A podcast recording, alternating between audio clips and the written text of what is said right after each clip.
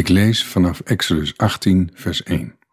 Toen Jethro, de priester van Midian, de schoonvader van Mozes, alles hoorde wat God voor Mozes en zijn volk Israël gedaan had, namelijk dat de Heere Israël uit Egypte geleid had, nam Jethro, de schoonvader van Mozes, Sephora, de vrouw van Mozes, nadat deze haar teruggestuurd had, met haar twee zonen, van wie de naam van de een Gersom was want, had hij gezegd, ik ben een vreemdeling geweest in een vreemd land.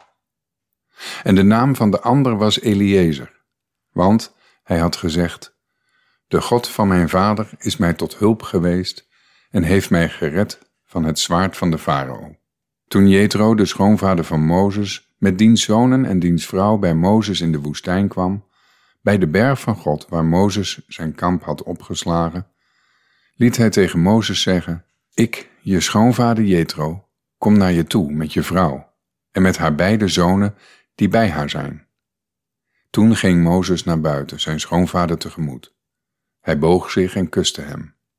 En zij vroegen naar elkaars welstand en gingen de tent binnen. Mozes vertelde zijn schoonvader alles wat de Heere ter wille van Israël met de farao en de Egyptenaren gedaan had al de moeite die hun onderweg getroffen had, en hoe de Heere hen gered had. Jethro verheugde zich over al het goede dat de Heere aan Israël gedaan had, dat hij het gered had uit de hand van de Egyptenaren. En Jethro zei, Geloofd zij de Heer, die jullie gered heeft uit de hand van de Egyptenaren en uit de hand van de farao, die dit volk van onder de hand van de Egyptenaren gered heeft. Nu weet ik dat de Heere groter is dan alle goden, want in de zaak waarin zij overmoedig handelden, stond hij boven hen. Toen nam Jethro, de schoonvader van Mozes, voor God een brandoffer en een slachtoffer. En Aaron en al de oudsten van Israël kwamen erbij om voor het aangezicht van God de maaltijd te gebruiken, met de schoonvader van Mozes. Het gebeurde dan de volgende dag dat Mozes zitting hield om recht te spreken over het volk. Het volk stond voor Mozes, van de morgen tot de avond. Toen de schoonvader van Mozes zag wat hij allemaal voor het volk deed, zei hij: Wat betekent dit wat je voor het volk doet? Waarom houd jij alleen zitting, terwijl heel het volk van de morgen tot de avond tegenover je staat? Toen zei Mozes tegen zijn schoonvader, omdat het volk naar mij toe komt om God te raadplegen.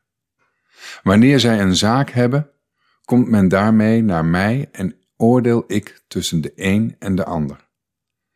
En maak hun de verordeningen van God en zijn wetten bekend. Maar de schoonvader van Mozes zei tegen hem, wat je doet is niet goed.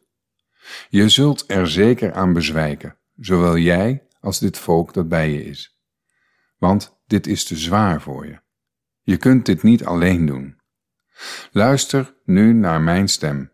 Ik zal je raad geven en God zal met je zijn.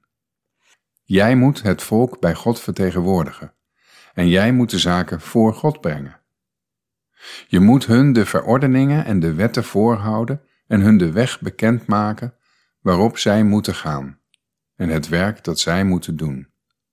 Jij echter, jij moet daarnaast onder heel het volk omkijken naar bekwame mannen, godvrezende, betrouwbare mannen, die een afkeer hebben van winstbejag.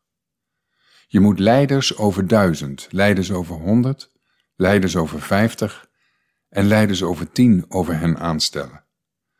Zij moeten altijd over dit volk oordelen.